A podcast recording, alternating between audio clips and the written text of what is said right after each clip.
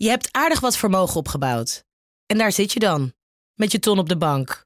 Wel een beetje saai, hè? Wil jij, als belegger, onderdeel zijn van het verleden of van de toekomst? Bridgefund is een slimme fintech die een brug slaat tussen de financiële behoeften van ondernemers en van beleggers. Dus wie belegt bij Bridgefund krijgt niet alleen een mooie vaste rente, maar brengt ook ondernemers in beweging. Echt waar! Met die ton kan je zoveel betere dingen doen. Bridgefund. Make money smile.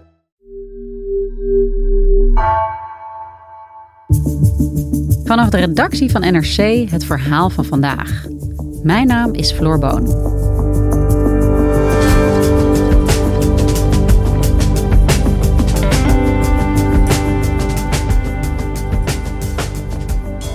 Eén op de 13 kinderen in Nederland groeit op in armoede.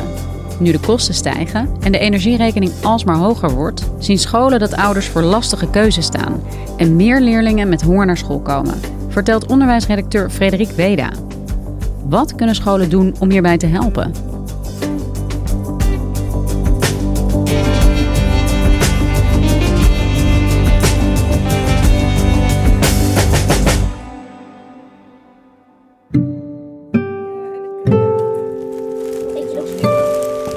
Rika's één pindakaas, één shim en één pasta. Oké. Ja. En met de pasta doe je geen boter? Nee, en met shim Mijn collega Shaila Kamerman ging gisterochtend naar basisschool Het Kasteel in Rotterdam-Delfshaven. Omdat daar elke ochtend tegenwoordig ontbijt wordt geserveerd voor de kinderen. Wie heeft groep 7? Ik kan. Nee, nee, groep 7. Uh, wie heeft uh, klaar gedaan? Klaar gemaakt? Oh, hebben jullie al gebracht? Dat doen ze omdat ze merken dat te veel kinderen s ochtends met een lege maag naar school kwamen. En een aantal moeders smeert elke ochtend vroeg bruin brood voor alle kinderen die dat willen. Mama, je was gisteren was er twee, eh, één shampoo. De aantallen kinderen die er een beroep op doen of die het nodig hebben, groeien hard. En zeker nu de laatste tijd ehm, de prijzen zijn gestegen hè, van alle producten, ongeveer 10% gemiddeld. En ook de energierekeningen binnenkomen die je vooruit moet betalen soms als je een variabel contract hebt. Dat is voor iedereen te merken, maar helemaal voor mensen met een heel laag inkomen of een uitkering. Die hebben al weinig reserves, die hebben sowieso weinig te besteden en eh, ja, dat gaat er gewoon sneller op. Dus in het hele land merken mensen dat. En dus ook vooral eh, gezinnen met kinderen. Yes, ze zijn klaar. Ja, Frederik, jij schrijft over onderwijs. Dit gaat ook over hoe scholen daarmee omgaan. Maar ik probeer het even tot me te laten doordringen. Zo ontzettend veel kinderen die in armoede opgroeien en die dus met een lege maag naar school gaan en het nodig hebben dat ze daar ontbijt krijgen. Het, het zijn echt gewoon hele ijskoude, harde feiten, maar ze zijn tegelijkertijd niet onbekend. Alleen zeg jij, het neemt nu toe, het wordt zichtbaarder. Is dat ook de reden dat jij hier ja, nu over schrijft? Ja, na de zomervakantie dacht ik, ehm, hè, de prijzen stegen. En ik dacht, ik zal eens even bellen naar een aantal basisscholen in achterstandswijken die ik ken. In Rotterdam, in Zaandam, in Sneek. eh, om te vragen of zij al merken dat ouders en kinderen er eh, meer last van hebben van die prijzen. En ja, allemaal brandden ze onmiddellijk los. De directeuren, ze zeiden, dit is zo'n grote zorg. De ouders hebben stress. In de ouderkamer, als we 's ochtends even bijkletsen, gaat het niet over de vakantie. Het gaat over de gasrekening. En wat ik zelf nogal heftig vond, was een jongetje in Rotterdam. Van 11 jaar op de basisschool. Katamaran is dat in Rotterdam, eh, Lombardije. Die maandag op school duizelig werd en hoofdpijn kreeg. En de juf dacht, "Oh, hij is ziek. Dus ze belde zijn moeder om te vragen of hij naar huis kon. En toen zei zijn moeder, mag ik even met de ouderconsulent praten? Want heel veel ouders willen helemaal niet rechtstreeks met de juf over dit soort dingen praten. Dat is een autoriteit, hè, de juf. Dus, maar er is vaak een ouderconsulent tegenwoordig die dan meer vertrouwen geniet op dit gebied. Zij sprak de ouderconsulent en ze zei, hij is niet ziek. Hij heeft honger. We hebben al sinds vrijdag niks meer gegeten. En dat was dus drie dagen.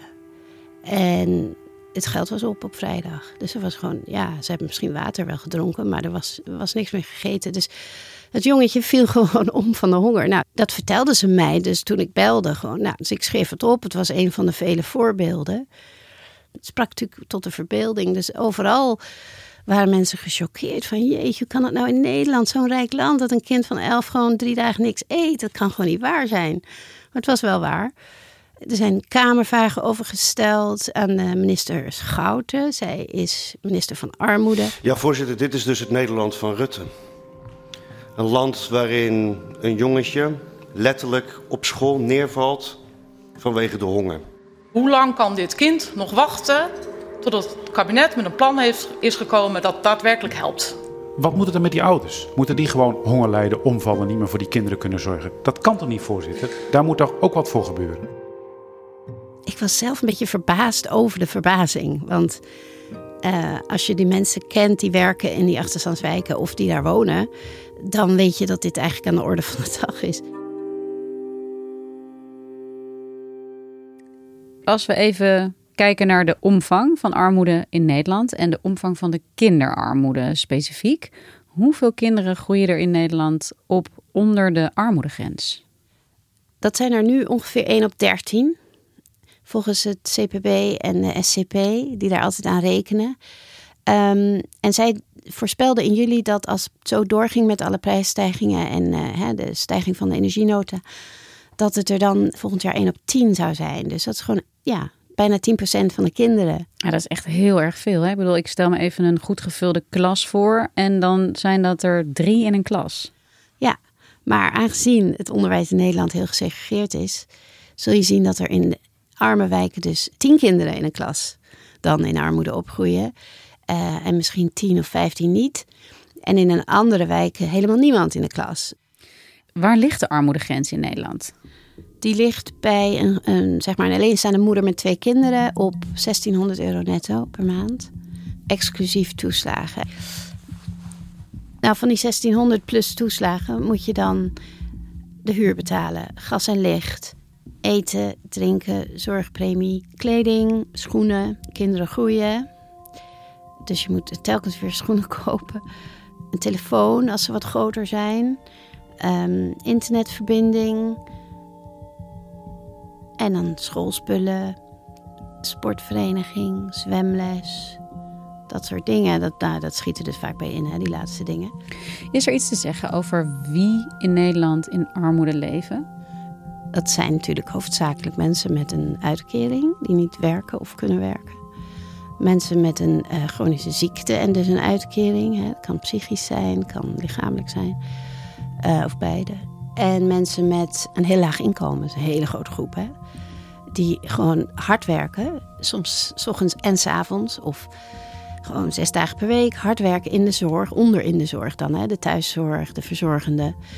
Die groep. En uh, mensen die in de catering werken. Gewoon van die, of schoonmaak. Baantjes buiten de kantooruren. Die heel slecht betalen toch wel. En het effect hiervan op kinderen. Wat weten we daarvan? om goed te functioneren op de basisschool heb je eigenlijk als kind uh, rust nodig thuis. Hè? Genoeg eten s ochtends en s middags en s avonds. En geen stress. Dus gewoon geen ruzie, geen, geen gespanning. Dat is gewoon het beste voor kinderen. Dat zegt Hans Spekman ook heel goed. Uh, hij is voorzitter van het Jeugdeducatiefonds. Die hoort van ouders ook dat ze zelf op zichzelf bezuinigen. Om de, om de kinderen dus wel uh, eten te kunnen geven. Eten ze zelf soms wat minder. Ik had een gesprek met de oudercommissie. Die ouders zeiden, nou, ik eet nu minder. Maar mijn kind heeft dat niet door dat ik minder eet. Dan komt het gesprek over, ja, maar kinderen zijn best slim je voelt zoiets aan. En toen uiteindelijk was de eindconclusie van al die ouders: ja, die kinderen weten dat ik gewoon de maaltijd oversla om hun extra eten te geven. Het is natuurlijk niet zo dat kinderen dat niet merken. Die weten dat heus wel. Die voelen dat. Ja, Frederik, in Rotterdam-Delfshaven wordt dan op aantal scholen ochtends brood gesmeerd, ontbijt gemaakt voor kinderen. Uh, zodat ze genoeg te eten hebben.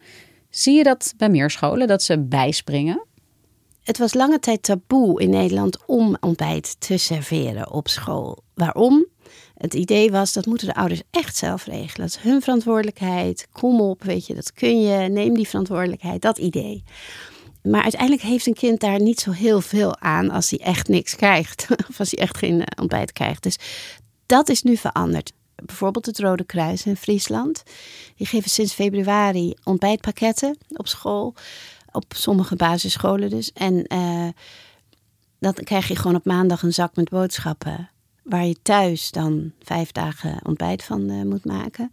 Maar er zijn ook scholen waar echt op school gegeten wordt. In Zaandam bijvoorbeeld, één keer de week. En dat wordt verzorgd door Tommy Tomato. Dat is een, een bedrijf dat feitelijk commercieel werkt voor, voor gezonde maaltijden op, op allerlei scholen. Maar het hier dan gratis doet, omdat dit zo'n arme buurt is.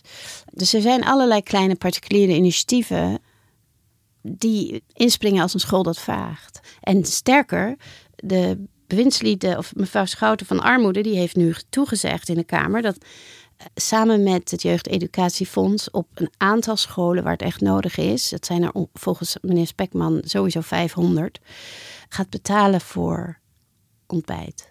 Ik ben nu in gesprek met onder andere het Jeugdeducatiefonds, maar ik doe het ook met gemeenten en ook andere organisaties om te kijken hoe we ervoor kunnen zorgen dat kinderen op scholen waar dat nodig is ook echt eten kunnen krijgen. Dat gaat dan vaak om een ontbijt of iets dergelijks.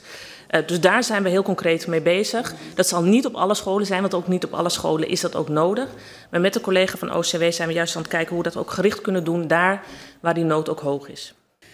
En dit is dan iets wat er, hè, dan wordt er dus ingesprongen door de overheid op een stuk dat in een krant verschijnt. Um, maar als we even kijken naar, naar die groep en naar die ouders, eh, hebben zij mogelijkheden om zelf ergens om hulp te vragen, om aan de bel te trekken als het niet goed gaat?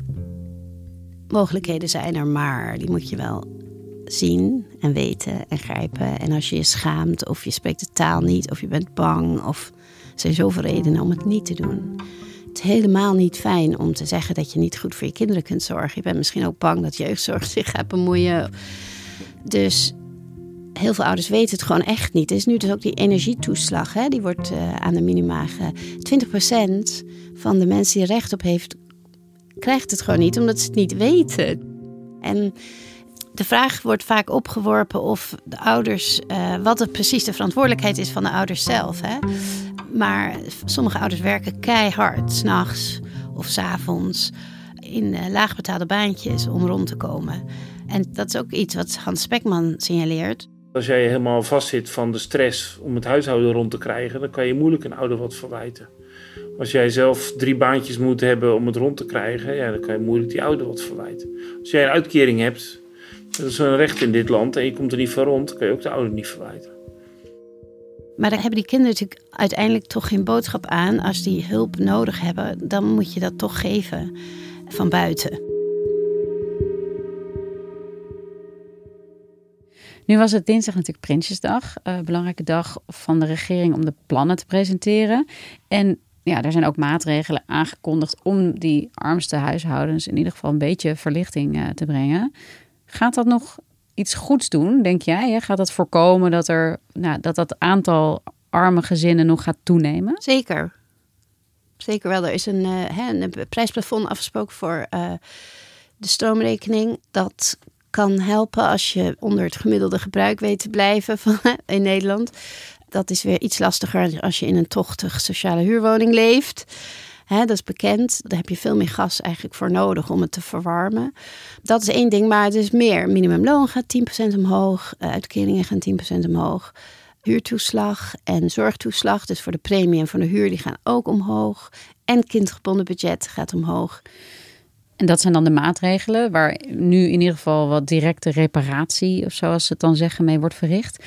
Heb jij de indruk dat de overheid op dit moment genoeg doordrongen is van de ernst en de omvang van ja, de problematiek rondom armoede in Nederland? Ja en nee. Uh, ja, omdat ze dus um, een armoedeminister hebben aangesteld. Dat is echt nieuw. Dat is nu pas, sinds dit kabinet. En uh, dat is natuurlijk eigenlijk ongekend in zo'n rijk land, maar goed. Maar armoede ja, bestrijkt natuurlijk heel veel terreinen. Um, In het onderwijs zie je uh, dat juist in de achterstandswijken het leraartekort het grootst is. Sommige scholen hebben geen problemen, maar heel veel scholen hebben dus echt moeite om leerkrachten te vinden. Soms wel 20% van de vacatures die niet vervuld wordt. Juist die kinderen hebben vaak heel veel goed onderwijs nodig om verder te komen in het leven. En dat is er dan niet. Dus ook, maar goed, de huidige ministers van onderwijs hebben dat op zichzelf wel door en, en zijn er wel mee bezig om daar ja, van alles voor te bedenken. De mensen die bij het Jeugdeducatiefonds werken, die zeggen als je een, niet een schreeuw om hulp hoort, maar een fluister. Hè? Dat iemand durft te fluisteren dat hij het heel erg structureel moeilijk heeft.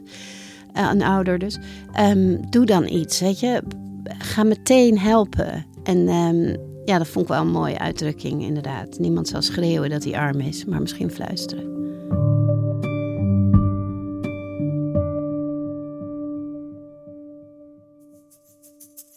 Dankjewel, Frederik.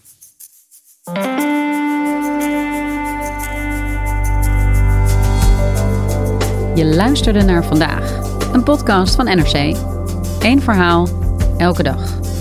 Deze aflevering werd gemaakt door Mila Marie Bleeksma en Bas van Win. Dit was vandaag. Morgen weer.